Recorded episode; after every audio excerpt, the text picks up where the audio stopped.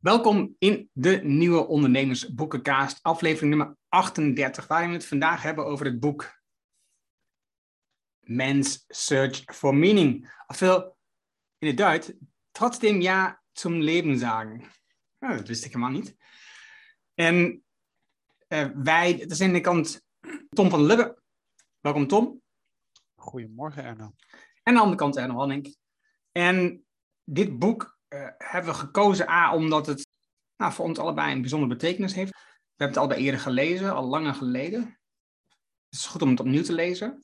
En ten tweede, omdat het nou, een dun boek is. Je bent er vrij snel doorheen, dus we hadden even wat nodig na onze vorige boek Enter Fragile van 600 pagina's of zo, uh, om ietsje, in ietsje meer uh, sneller te lezen boek te nemen. dit boek heb je in een, in een avond uit als je wil. En anders, zoals ik, dan doe je er nou ja, in ieder geval een paar dagen over. Maar dan nog steeds heb je het vrij snel uit. Victor E. Frankl, dat is de auteur. De ondertitel in de Engelse versie is The Classic Tribute to Hope from the Holocaust. Als ik het goed heb, is de oorspronkelijke titel van 1946 Een psycholoog erlebt das Konzentrationslager. Maar dat weet ik niet 100% zeker. Dat is in ieder geval wat ik op Wikipedia vond. De, over. De, de ondertitel is dat. Oh, dat is de ondertitel. De, de titel verwijst naar het zogenaamde Boegenwaldlied. Dus het is, uh, dit is een typisch voorbeeld van een vertaling van een titel. Dan zitten we er meteen alweer helemaal in, waar in één keer heel veel verloren gaat. Omdat, uh, dat kun je gewoon googlen hoor. Dus als je bijvoorbeeld uh, die, die titel kijkt en je kijkt naar het Boegenwaldlied. En je bijvoorbeeld weer kijkt wie dat Boegenwaldlied geschreven heeft en wat daar weer voor een verhaal achter zit. Dus de mensen in dat, in, in, in, in dat concentra concentratiekamp kregen de opdracht een lied te maken. En daar zit natuurlijk die hele culturele Joodse intelligentia zit in dat concentratiekamp. Dus er zijn mensen die in het verleden, dus google het maar, ik wil niet altijd in het detail gaan, bijvoorbeeld opera, et cetera, geschreven hebben. Die, die maken dan zo'n lied. En als je, als je die tekst van dat Boegenwald lied bekijkt, misschien dat we een link ook in de podcast moeten zetten. Dat is, ja, je verstart gewoon voor het is onvoorstelbaar. Dus dat je daar een lied maakt en, en, en dat daar dus die zin in zit. Trotzdem ja zum heeft iets. Ja, eigenlijk ben je bij de kern van de kern van de kern van het boek. En dat is iets anders dan Men in Search for Meaning. Dat is een abstracte manier van waar het boek over gaat. Maar trotzdem ja zum, wat geschreven wordt als lied in Boegenwald, is natuurlijk is van, een, een, van een kwalitatief verschil weer, wat, wat onvoorstelbaar. Ja, dat uh, had, ik, had ik niet gerealiseerd. Ik heb, dat heb ik ook niet, niet uh, opgezocht.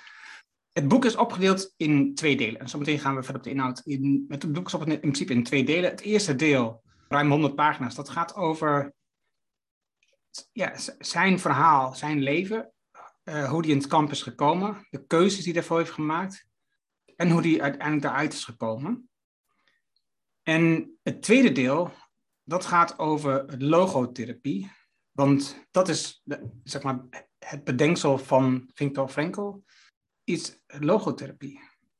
Ja, laten we die twee delen gewoon echt helemaal apart bespreken. Want het komt natuurlijk een paar keer terug in het deel van in het kamp waar het vandaan komt. Maar laten we proberen te kijken dat we zoveel mogelijk ook gescheiden kunnen houden. Wat was voor jou een van de meest opvallende momenten in dat eerste deel van het boek. De keuzes die hij gemaakt heeft. Ja, wat is het meest belangrijke? Misschien dat we toch eerst nog even heel kort iets zeggen over Victor Frankl als persoon. Want dat is me, ook, dat is me toch weer opgevallen. Omdat het, het boek staat op de lijst van de tien belangrijkste boeken in de Verenigde Staten. Uh, Library of Congress. Uh, is eigenlijk in Amerika, uh, doordat het daar een bestseller werd, ook weer in Europa her, hergedrukt of in Oostenrijk uh, opnieuw uitgegeven. het interessante is dat de tweede uitgave in Oostenrijk, de eerste 3000 stuks, die werden na de oorlog verkocht. Daarna de tweede, de tweede oplage werd vernietigd, omdat niemand het boek wilde hebben. Door Amerika is het boek in principe weer eigenlijk bekend geworden. Terwijl Victor Frankl een Oostenrijker is, 1905 geboren, 1997 overleden. En heeft eigenlijk zijn hele leven in Wenen gewoond. Dus wij nemen in Nederland hem vaak waar, omdat Amerikaanse ondernemers hem noemen. Als, en het boek ook in Amerika, het is Man's Search of Meaning, altijd in het Engels genoemd wordt. Maar het is gewoon een Oostenrijker. Of gewoon, het is een Oostenrijker. die niet zoals andere Joden geëmigreerd zijn naar de Verenigde Staten. Nee, hij is gewoon na de oorlog uit het concentratiekamp gewoon weer terug naar Wenen gegaan. En daar is hij gewoon weer doorgegaan als arts. Dus misschien dat even vind ik wel zeer, zeer relevant om dat, om dat te noemen, omdat dat ja, heel vaak uh, vergeten wordt. Wat is het belangrijkste en wat is eigenlijk de kern? Of voor mij de kern, maar ik denk ook wel voor het, voor het uh, boek de kern. En dat wordt uh, ook meteen in het voorwoord ook genoemd. ik weet niet hoe, wie het voorwoord bij jou heeft geschreven, maar in de uitgave die ik hier heb, is, wordt het voorwoord geschreven door een vriend van hem die hem die hem al, Hans Weigel, die, hem, die hem al zijn hele leven kende. En wat ik het meest indrukwekkende vind, is dat hij, en dat is eigenlijk de kern van het boek, dat hij in het concentratiekamp, waar het koud is, waar, waar, waar, waar er geen eten is, nou, je kunt je dat allemaal voorstellen, dat hij mentaal zich voorstelt dat hij na de oorlog in een warme collegezaal staat te vertellen over wat hij in het kamp beleefd heeft. En wat mentaal relevant is geweest om dat concentratiekamp te overleven. En dat, en dat scheiden van, van de geest van de daadwerkelijke situatie, dat, is, dat beschrijft hij naar de hand in een hele hoop facetten, vind ik een van de meest indrukwekkende passages überhaupt. Ik vind het ook, het is voor mij persoonlijk ook een van de aller, allerbelangrijkste boeken die er is. En dat is, uh, dat is zo dat gaat zo naar de kern van de kern, naar de, van de kern van het menselijk bestaan. Je wordt er eigenlijk stil van als je het boek zit te lezen. Omdat het zo puur is uh, en zo, zo naar de essentie gaat dat je eigenlijk, dat je eigenlijk daarop zit te reflecteren en, en dat je eigenlijk zegt, waar zijn we in hemelsnaam mee bezig? Of waar ben ik zelf mee bezig? Of waar win ik mezelf over op? En dat iemand die mentale kracht heeft, is, ja, ja, dat is eigenlijk de kern van het boek. En dat kun je op een abstract niveau. Hij citeert Nietzsche, dus het gaat eigenlijk over Nietzsche. En ik, ik, ik zeg het in het Duits, omdat ik het boek ook in het Duits heb gelezen. Uh, en het gaat eigenlijk om de kern is weer een waarom had zum Leben ertragt was jedes wie. Nou, dat is, ja, dat is dus de kern van de kern van de kern. Uh, en ik zou tegen alle ondernemers zeggen, lees geen managementboeken. Dit zijn 130 pagina's lees deze 100, 130 pagina's en, en ik zeg niet dat je de rest in de, in de vuilnisbak moet sodemieteren, wat je, wat je nog in je eh, boekenrek hebt staan. Alleen ja, dit, dit is wel de essentie waar, ja, waar we eigenlijk meer aandacht aan zouden moeten besteden. Voor mij, wat opvalt, waren een aantal keuzes die hij maakt. Dus ik heb het zelf natuurlijk veel over beslissingen. Die zo ingrijpend zijn, waarvan je haast de consequentie niet kunt overzien en ook niet realiseert op dat moment. Maar achteraf kunt zien dat het, dat, dat het vervolg van je leven is. Het is bijvoorbeeld, hij krijgt, eh, voordat de Duitsers Oostenrijk binnenvallen, krijgt hij de gelegenheid om naar Amerika te vluchten. Dat gaat echt heel ver. Hij, hij heeft alle papieren in orde. Hij, hij krijgt de gelegenheid om naar Amerika te vluchten. En hij vraagt om een teken. En uit dat teken leidt hij af dat hij dat niet moet doen en bij zijn ouders moet blijven. En zo zie je een paar keer in het kamp terug. Hij neemt beslissingen om iets wel of niet te doen. Die enorme consequenties hebben voor zijn voortbestaan. Op dat moment wordt hij uitgenodigd om mee te gaan naar een ander kamp waarvan ze verwachten dat het veel, ja, veel eenvoudiger zou worden. Hij besluit om niet te gaan. Hij komt erachter dat dat kamp, die mensen die al mee zijn gegaan, eigenlijk allemaal verlezen omdat het kamp is in brand is gestoken. En dat is, denk ik, wat ik hier, buiten wat jij net beschreef, hè, dus de, het bestaan, waarom, de, waarom, de zin van het leven. Maar dit is voor mij ook super interessant en, en belangrijk. Is dus de keuzes die je maakt. En dan de consequenties daarvan loslaat. Ja, maar dat heeft natuurlijk ermee te maken. Hij beschrijft een hele hoop van die voorbeelden. Hij legt overigens wel, hij legt wel ook uit waar, waar bijvoorbeeld. Soms zit er een ratio achter. Dus het feit dat hij dat visum niet aanneemt, ik weet niet of dat in het boek staat. Dat heeft ermee te maken dat hij uh, op dat moment nog directeur is van, um, van de kliniek in, in, in Wenen. Met hem hij de zekerheid heeft dat zijn ouders niet uh, getransporteerd worden. Zou hij zelf met het visum naar Amerika zijn gegaan, dan was die bescherming voor zijn ouders weggevallen. En hij had, hij had alleen zelf een visum. Ik weet niet of dat in een. Ik weet niet en, en, er staat nog een stukje in het boek, in ieder geval de Engelse versie. Het zal de Amerikaanse versie hebben, in ieder geval Engelstalig. Waarbij hij, uh, uit mijn hoofd is, is het dat hij een tegel krijgt. Waar het over gaat dat er iets in staat over uh, ouders. En, en dat is een fragment op die tegel wat gaat over een, een deel van, van uh, de Bijbel. Niet de Bijbel natuurlijk, maar van, de Torah. Van de Torah van de Joden. Waarin die op dat moment ziet dat, het dus, dat, is een teken voor hem om te zeggen: Oké, ik, ik moet niet gaan, ik moet bij mijn ouders blijven. Maar wordt dat uitgelegd in dat boek? Want ik heb dat. Ja. Oké, want ik dat, dat, dat, uh, je kunt dat ook googlen. Omdat hij zo lang geleefd heeft en dat boek, hij naar de hand beroemd werd buiten Oostenrijk, uh, is er best wel veel beeldmateriaal, dus interviews met hem. En hij vertelt dat. Uh, dus dit fragment ook. En daar gaat het om dat hij eigenlijk op de laatste dag, hij wil eigenlijk dat visum aannemen. En dan komt hij naar huis toe en zijn vader heeft achter hun huis waar de, waar de synagoge al uh, verwoest is, komt hij, stuk, komt hij terug met een, met, een, met, een, met een inscriptie uit die synagoge. En dus, maar er, zit, er staat één letter op. En dan uh, zegt die vader tegen Victor Frankl, zegt hij, ik weet, ik geloof de tien geboden is het geloof ik, de tien geboden is het. En dan zegt hij, ik weet welke de tien geboden dat is. Eén letter. En hij zegt, dat is het gebod dat je, het gaat, ik, weet, ik weet even de exacte formulering niet, dat je dus uh, je ouders moet, moet waarderen. En op dat moment, en als Victor Frankl dat, ik heb bijvoorbeeld dat, dat interview gezien op, op YouTube, en daar zit, wordt hij in de trein geïnterviewd en daar schiet hij helemaal vol. Dus, dus hij heeft op dat moment de tranen in zijn ogen staan. En hij zegt, op dat moment wist ik, ik moest in Wenen bij mijn ouders blijven. Leg dat dan wel nog rationeel uit. Dat is wat ik net heb gezegd dat is zo intensief. Dus dat is gewoon ver, ver, ver verwijderd van, ik zal maar zeggen, al die andere boeken die we normaal gesproken bespreken. Dat hij achteraf het überhaupt kan navertellen, dat is natuurlijk, hè, dat is die mental bias overigens. Want al die andere Joden die ook een visum hadden en kunnen, hadden kunnen vluchten en ook zijn gebleven, ja, die kunnen het niet meer navertellen.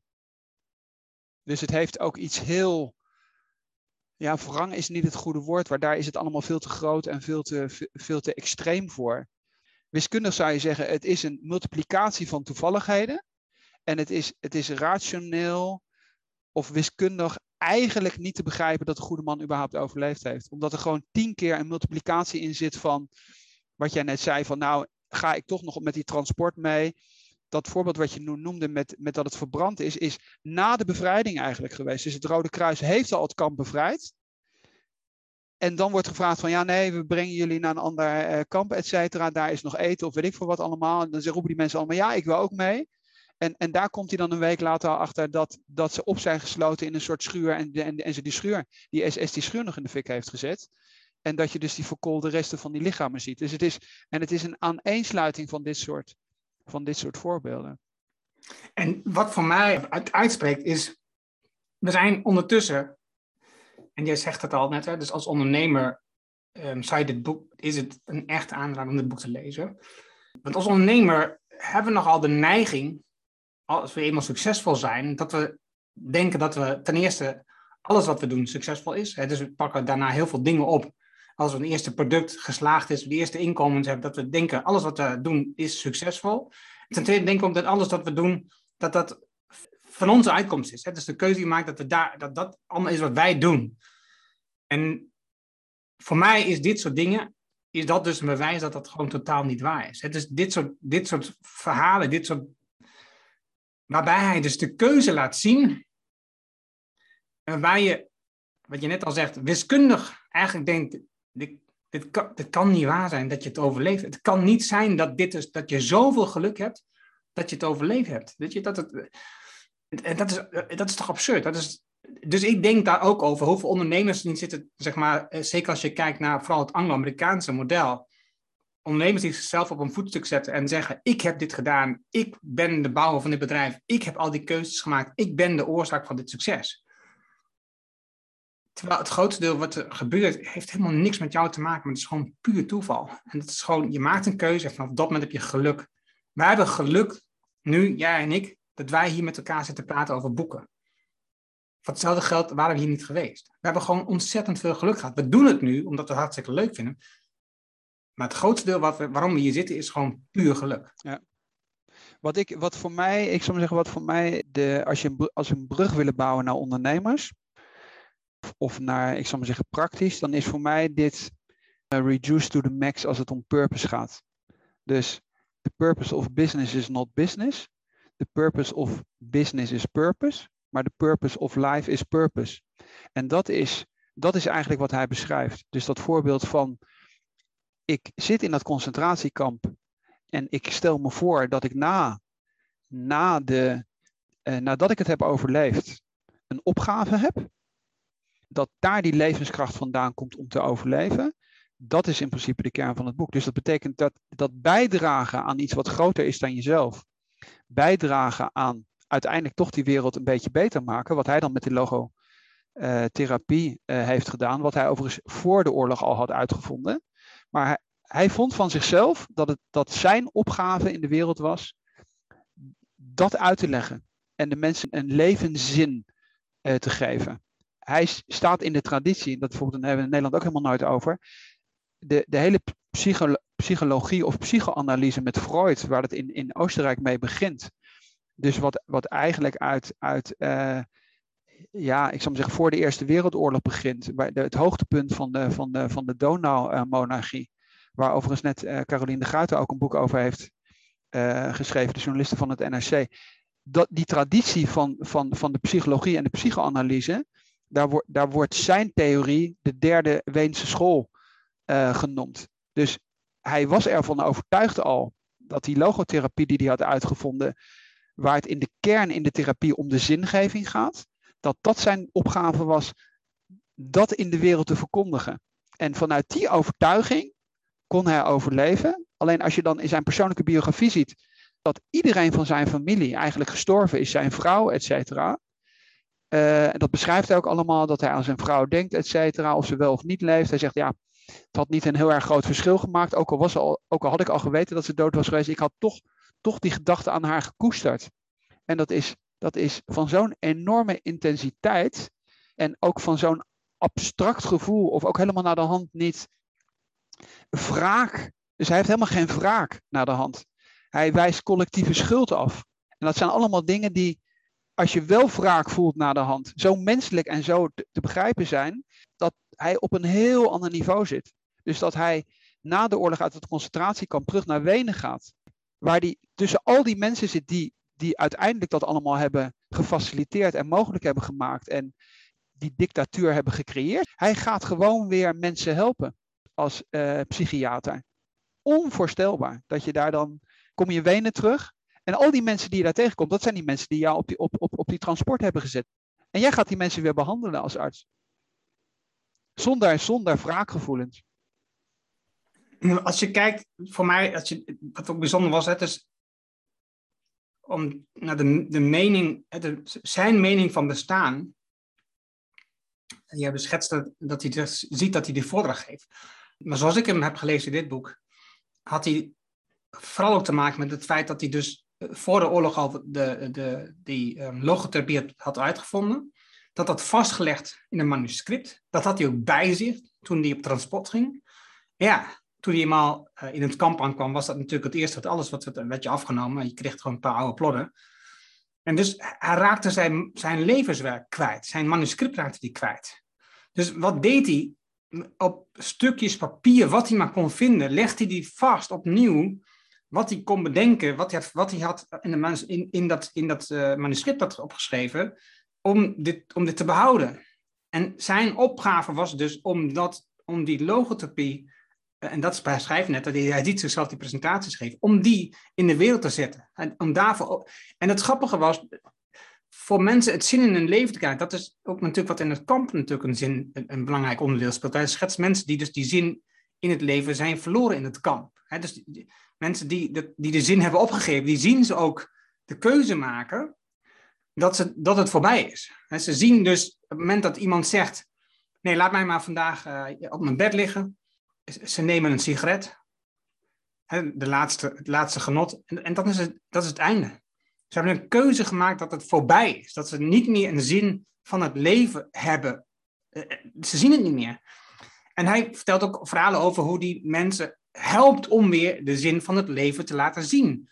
Dus mensen die, die, die, die weten dat ze alles zijn verloren, laat die zien waarom het toch zin is in het leven om dat wat zij, wat zij hadden, om dat voor te zetten, om dat, om dat uit te blijven dragen.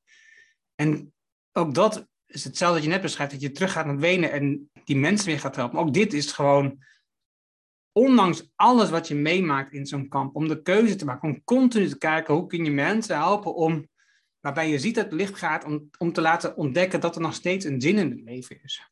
Het wat ik ook interessant vind, is dat in een tegenstelling die erin zit, hij beschrijft dat hij zegt van de mensen die een verwachting aan het leven hebben, of eigenlijk iets van het leven verwachten. Hij zegt het is omgekeerd. Het leven verwacht iets van jou. Jij hebt een opgave. En dat is natuurlijk, bedoel, hij, hij citeert God veel, hij citeert de Bijbel veel. Het is een spiritueel niveau waar je als persoon heel klein bent ten opzichte van noem het in zijn boek God. Uh, maar je kunt het ook heel abstracter formuleren. Hè? Dat kan bijvoorbeeld als het nu om duurzaamheid gaat, of de wereld redden, of weet ik veel wat allemaal. Het is het, het leven of de algemeenheid verwacht iets van jou. Jij hebt een opgave. En, en ik zou zeggen, Nederland is natuurlijk eh, wat dat betreft nog steeds een hele verzeilde maatschappij. Of we weten dat van onze ouders of van onze grootouders. Dat, dat idee dat je iets bij te dragen hebt of het nou gereformeerd, katholiek of wat dan ook is, maar dat geldt voor alle gelovensrichtingen en ook voor het humanisme, dat is wat er zo sterk in zit. Je hebt een opgave. Het leven verwacht iets van jou. En, en overigens, het geluk is daarmee heel nauw verbonden. Het gaat niet om materialisme. Het gaat erom dat je hebt de mogelijkheid iets bij te dragen. En daar ligt de hoogste bevrediging in. En het interessante vind ik uit bijvoorbeeld de laatste zin van het boek, en, dat, en dan, eh, omdat ik zou zeggen, het begin en het einde is natuurlijk heel vaak is een beetje de kern. Dat laatste hoofdstuk is heel erg kort. Dus dat boek is eigenlijk in drie delen op, op, opgedeeld. En het laatste, dat laatste gedeelte is, de, noemt hij dan de tijd na het concentratiekamp. Na de bevrijding van het concentratiekamp. En de laatste zin is, hij, hij zegt dan, ik zal het even vertalen meteen, gekroond is dat beleven van, van uh, heimvindende mensen, van degene die naar huis komt. En dan zegt hij, van dem köstlichen gevoel. Dat woord köstlich is, is, is eigenlijk iets wat je bijvoorbeeld met, met eten bijvoorbeeld gebruikt. is iets, dat is heel erg overtreffend. Dat je voor niks meer bang hoeft te zijn. Nach all dem Erlittenen niets meer auf der Welt fürchten zu müssen, außer seinen God. Dus wat hij eigenlijk zegt is van nou, je kunt dat achter je laten. En omdat je alles al hebt, je hebt de essentie volledig al gehad. Je kunt volledig, tegenwoordig zouden we zeggen stressvrij. Maar je kunt in principe tot de kern van, van het leven kun je je volledig aan wijden. Dat beschrijft hij als, een, als, als het meest ultieme gevoel. Ja, en dat is natuurlijk voor iemand die heeft overleefd en dan vaststelt dat hij in Wenen terugkomt. Dan beschrijft hij bijvoorbeeld dat hij met de tram naar zijn oudere huis weer rijdt. En dan zegt, dan bel je aan. Dan heeft, je hoopt dat iemand op je gewacht heeft. Maar er is dus helemaal niks. Er is alleen maar leegte. Want je hele familie is, is, is in de gaskamers vermoord. En dat heeft, dat heeft een tragiek, een persoonlijke tragiek, omdat je, als je, omdat je natuurlijk wordt meegetrokken in dat boek. En dan kun je je voorstellen dat in, iedereen die wel eens in Wenen is geweest, dat je, dat je, dat je na zo'n oorlog in zo'n tram naar je huis rijdt, vol hoop. En daar, is gewoon helemaal niks. Er is gewoon helemaal niks. Je komt in die, misschien nog in die woning of je woning is geconfiskeerd. En je gaat op zoek naar je familie en er is gewoon helemaal niemand. En de goede man gaat dan gewoon weer aan de slag. Wordt directeur van de psychiatrische kliniek in, in Wenen overlijdt in 97. Dus moet je voorstellen, het is gewoon, hij, leeft gewoon 50 jaar.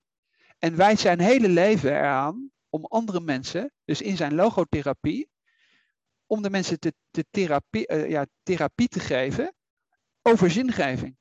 Terwijl hij zelf zijn hele familie kwijt is geraakt. Ja, het is,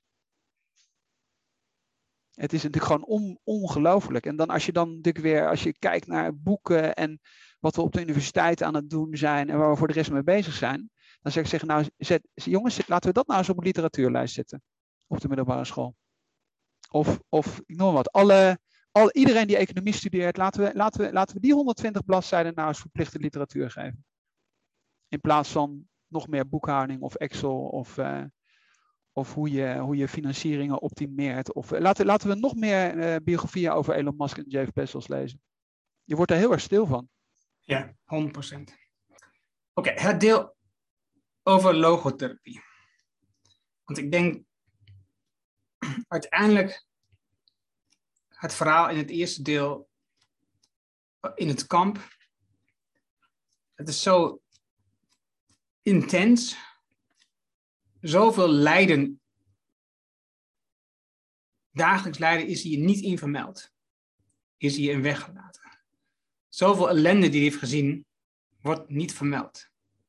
Je hebt vast films gezien of documentaires gezien of andere boeken gelezen waarin je meer hebt gehoord over de ellende in de kampen. Zoveel wordt door hem hier weggelaten over de ellende in de kampen. Dus ik denk dat je, ik kan nog heel veel vertellen, dat je, je moet het gewoon zelf lezen.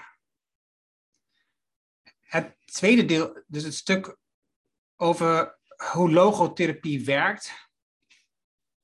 Ja, dat is natuurlijk ook heel bijzonder. En ik gok dat onze uitgaven ook daarin wat verschillend zijn. Ja, ik heb het er niet, ik heb het er niet in staan. Ja, precies. Maar jij zei ook, jouw voorwoord was van een vriend. Maar in dit verhaal is het voorwoord van uh, Gordon W. Elport. Ik heb geen idee. Het was een voormalig professor, ik staat hier staan. Voormalig professor uit Harvard. Dus ja, dus, dit is een hele andere versie. Maar hierin wordt in de kern uitgelegd hoe logotherapie werkt van hemzelf, wat hij heeft ervaren in die, in die, in die jaren dat hij dat heeft uh, gegeven, dat hij ter ook les heeft gegeven, maar ook van anderen die, die, die dit hebben gedaan. Hij heeft het onder andere over dat veel jonge mensen de zin van het leven missen. Het is als je kijkt naar mensen die verslaafd zijn aan alcohol of drugs, uh, daarvan is het grootste deel weten niet wat de zin van, van hun leven is. Die hebben, die hebben een zin, die vinden zelf dat ze een zinloos bestaan hebben. En die zoeken dus hun vlucht in andere zaken. En wat hij dus doet met de therapie, is mensen laten inzien wat de zin van het bestaan is. En dat ook mensen die moeite hebben met bepaalde historie, geschiedenis van hunzelf. Is, dus hij zegt in veel therapieën wordt natuurlijk teruggegaan naar waar dingen vandaan komen. Waar, ligt de oorsprong van mijn gedrag of waarom ik dingen doe? bij mijn ouders of nog veel verder terug. En, en mensen geven dan hun ouders op de kop dat dingen niet gaan zoals ze wensen. Terwijl hij laat dus zien dat eigenlijk dat zinloos is. Maar daar gaat het ook niet. Het gaat erover dat je je eigen zin van het leven ontdekt. Dat je ontdekt wat, wat jij te doen hebt. En dat hij dat met eigenlijk met enkele sessies meestal voor elkaar krijgt. Om mensen te laten zien wat, wat de zin is van hun leven. En het grappige is, in verschil met uh, veel andere therapieën, is niet dat mensen, hij schetst verschillende voorbeelden van, van mensen die dus in andere therapieën zijn beland, die dus een soort opdracht hebben gekregen van een therapeut om dingen te onderzoeken of een bepaalde weg in te gaan of een bepaald onderzoek te doen naar een verleden, naar een ouders, dat soort dingen Waarbij hij zegt, nee, dat is helemaal niet waar het om draait. En hij geeft mensen ook geen opdracht mee. Hij stelt vragen waardoor ze gaan onderzoeken zelf. Waardoor ze zelf gaan ontdekken wat het is wat ze te doen hebben. Dus hij, hij is niet sturend. Het logotherapie is niet sturend. Het, is, het blijft vragend om zelf te ontdekken wat is de zin van mijn leven? Wat heb ik te doen hier? Het is natuurlijk gewoon ongelooflijk dat de logotherapie de oorlog heeft overleefd door hem. Maar ook dat hij in staat is geweest om de zin van zijn leven te zien en het daardoor gered heeft voor een heel groot deel naast geluk hebben. In het kamp. Plus daarna dus zijn volle leven te geven aan de zin van zijn leven. En als ik dan kijk naar vandaag naar hoe bedrijven en ondernemers en CEO's, met name van grote bedrijven, met name Anglo-Amerikaanse bedrijven, zo geconcentreerd zijn op zichzelf, op groter worden, op meer omzet, op meer winst, ten koste van zoveel dingen. Daar totaal niet mee bezig zijn wat zij de rest aandoen. Ja, dan denk ik dat. Het kan, dat kan niet dat je bezig bent met de zin van je eigen leven als je er zo in staat. Dan heb jij dus niet duidelijk, nog niet duidelijk, wat de zin is van je leven. Wat jij te doen hebt op deze wereld. Nou, voor mij was dat, is dat eigenlijk wel de blijvende gedachte. En ook die therapie, die vind ik super interessant. Dat je gewoon, dat is natuurlijk ook wat ik merk in mijn eigen coaching als business coach, is dat het is best ingewikkeld om continu te blijven vragen in plaats van mensen in een bepaalde richting te duwen. je hebt natuurlijk zelf een bepaalde visie op dingen, je hebt dingen gelezen, je hebt suggesties, ideeën. Dus het, het is heel ingewikkeld om mensen niet in die richting te duwen. Ja, houdt de mensen eigenlijk een spiegel voor natuurlijk. Wat misschien nog wel interessant is, is omdat wij natuurlijk, ik zeggen, wij doen soms praktische boeken. Uh, en, dit is heel erg een verdieping van purpose, levenszin, zingeving, et cetera, et cetera. Maar als, als iemand nou zegt, nou, ik vind wel een intellectueel uh, verhaal wat Erna en Tom hier met elkaar aan het ophangen zijn. Als je bijvoorbeeld weer naar Daniel Pink teruggaat en je zegt, oké, die, die drietak, autonomy, mastery en a sense of purpose, dan is dit, dan is dit eigenlijk de absolute verdieping van a sense of purpose. Dus iedereen die en daar zijn veel mensen op dit moment mee bezig. Heeft denk ik ook een beetje met de reflectie in de coronacrisis te maken. Als mensen nou sterker willen reflecteren en echt, eens echt een deep dive willen doen, hè, zoals het tegenwoordig dan heet. Ja, dan, dan zou ik bij een sense of purpose zou ik, zou ik eens in, die, in, dat, in Victor Frankl uh, duiken. Als mensen dat dan toch interessanter vinden dan ze hadden gedacht. Daar is natuurlijk een, een hele boekenkast is er over. Misschien dat we misschien ook wel meer dingen uh, moeten doen, omdat je ze in allerlei gradaties hebt omdat er, het heeft ook nog een hele hoop andere aspecten. Het heeft ook iets te maken met nederigheid. Het heeft ook iets te maken met het team belangrijker is belangrijker dan het individu. Je ondergeschikt maken aan de purpose. Wij zeggen in het bedrijf, de purpose is de CEO of the company.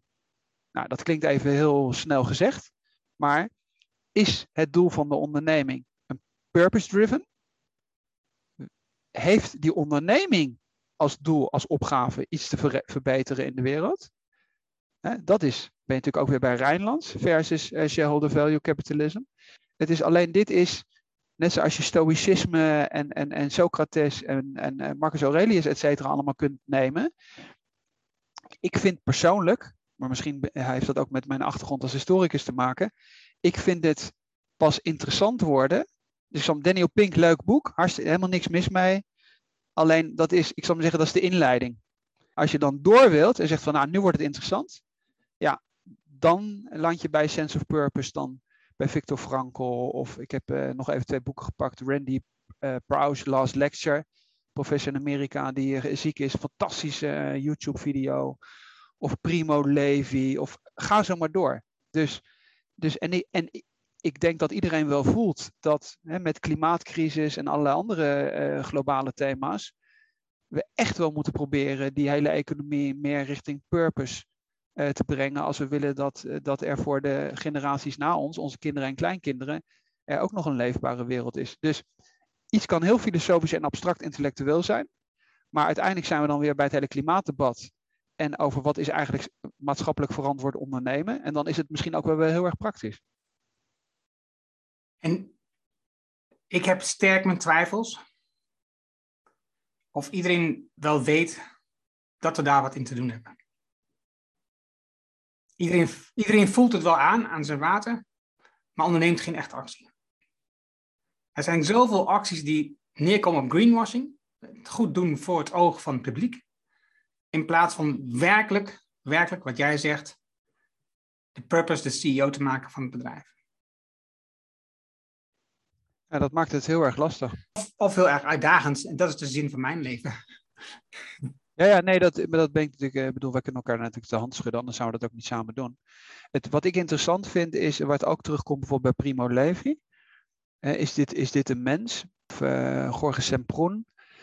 Uh, is allemaal, allemaal Holocaust literatuur. Wat hij helemaal in het begin van het boek beschrijft, is dat hij zegt. Dat is misschien nog wel interessant ook om daarop te reflecteren, omdat er ook wel weer parallellen zijn. Hij zegt: Die besten zijn niet schrikken kon. Dus, en dat is iets wat je natuurlijk in de huidige maatschappij ook ziet. Dus de beste mensen die de hoogste waarde hebben en het meeste zich inzetten voor het algemeen welzijn van iedereen, dat zijn niet de mensen die naar de hand aan, aan, aan het hoofd staan van onze grote multinationals die beursgenoteerd zijn. Dat zijn mensen die ergens op weg, omdat ze normen en waarden hadden, al lang afscheid hebben genomen, of men heeft afscheid van ze genomen. En dat, en dat pure wat hij beschrijft, en dat is wat heel veel Holocaust-overlevenden beschrijven, die zeggen van die kampen, dat is, het wordt op een gegeven moment zo, ja, noem het banaal, of de menselijke instincten over het overleven, een stukje brood, er wordt nu in al die boeken altijd beschreven, toch nog een stukje brood pikken van iemand anders. Of bij het opscheppen van de soep hopen dat je van onderuit nog wat, wat sterkere soep krijgt en niet alleen maar een waterige soep. En, en dat beschrijven ze allemaal. En ze zeggen, de mensen die uit die kampen zijn gekomen, die hebben een enorm schuldgevoel gehad, omdat de meest oprechte mensen, die niet zich hebben voorgedrongen en niet hebben geprobeerd te overleven, die kunnen het allemaal niet meer navertellen. En dat zie je natuurlijk in onze maatschappij wat dat betreft ook. En dat is misschien ook nog wel relevant daar eens op te reflecteren, omdat wij eh, enorm kijken. Bijvoorbeeld zie je in die coronacrisis ook. Dus als je ziet hoeveel er geschreven wordt over dat rakettenspel van Jeff Bezos en Elon Musk, terwijl we eigenlijk het klimaatprobleem moeten oplossen. Het is enerzijds immens frustrerend, maar het heeft, het heeft ook iets waar, waar een hele hoop mensen naar zitten te kijken en te zeggen van, is dat nou echt, jongens, waar jullie mee bezig zijn? En we zitten de mensen ook nog op een podium. Dus al die ondernemers die zeggen, Kunt u een voorbeeld noemen? Ja, nee, Elon Musk, uh, Jeff Bezos. Het is intens triest dat de mensen die zoveel macht, zoveel vermogen en zoveel invloed hebben, niks beters te doen hebben, dan in principe heel erg banaal, eigenlijk alleen maar te kijken. Ik denk altijd, altijd aan die vrachtwagens, waar achterop staat, de mijne is zo, de, de mijne is zo lang. Dat is in principe wat er gebeurt. Dus in plaats van dat. En dan heb je omgekeerd mensen die als een soort Don Quixote uh, strijden voor een gerechtere wereld en eigenlijk bereid zijn op basis van hun normen en waarden juist helemaal niet op dat podium te staan. En dan wil ik niet meteen wel alle zusters erbij halen, et cetera, et cetera, maar het, is, het, is, het heeft iets, daar is op te reflecteren en te zeggen van, wat doen we zelf en wie zien we als voorbeeld in de maatschappij? Dat is natuurlijk volledig fout. En het interessante is dat als we allemaal weer op school zijn, dan leren we over Mahatma Gandhi en over Nelson Mandela en over Martin Luther King. En we zijn dat alweer heel snel dan weer vergeten. Want dan praten we toch weer heel veel over Jeff Bezos en heel veel over Elon Musk. En ik word daar soms moedeloos van. Om het daarmee af te sluiten. Ik vond het super fijn dat je luistert. Het is um, een bijzondere aflevering, vond ik. Is super bijzonder. Ik denk dat één keer lezen niet genoeg is denk dat je het in je leven een aantal keer gelezen moet hebben om telkens weer terug te komen tot die essentie. Omdat je hem ook verliest onderweg. Dat er zoveel om je heen aan geluid, lawaai is, waardoor je denkt dat je een bepaalde kant moet en dat je je eigen essentie weer vergeet, kwijtraakt. Dus dankjewel voor het luisteren. Heb je een suggestie voor een boek wat we zouden moeten lezen, waarvan je denkt, nou, dat is een boek wat je echt moet oppakken in je boekenkaas? Stuur ons dat, mail ons via LinkedIn of een berichtje via LinkedIn of zet het onder deze audio- of videoversie waar je ook maar kijkt of luistert. Onze volgende aflevering die gaat over een Nederlands boek, De Verdeelde Nederlanden. Een heel nieuw boek. Ook daarin zien we allerlei linken naar dit boek terug. Dus uh, vandaar dat dat heel erg goed past, vind ik zelf. Ja, dat was hem. Dankjewel voor het luisteren. dankjewel, Tom. Ja, dankjewel Erno. Het was een groot genoegen dit boek met jou te bespreken. En graag tot de volgende.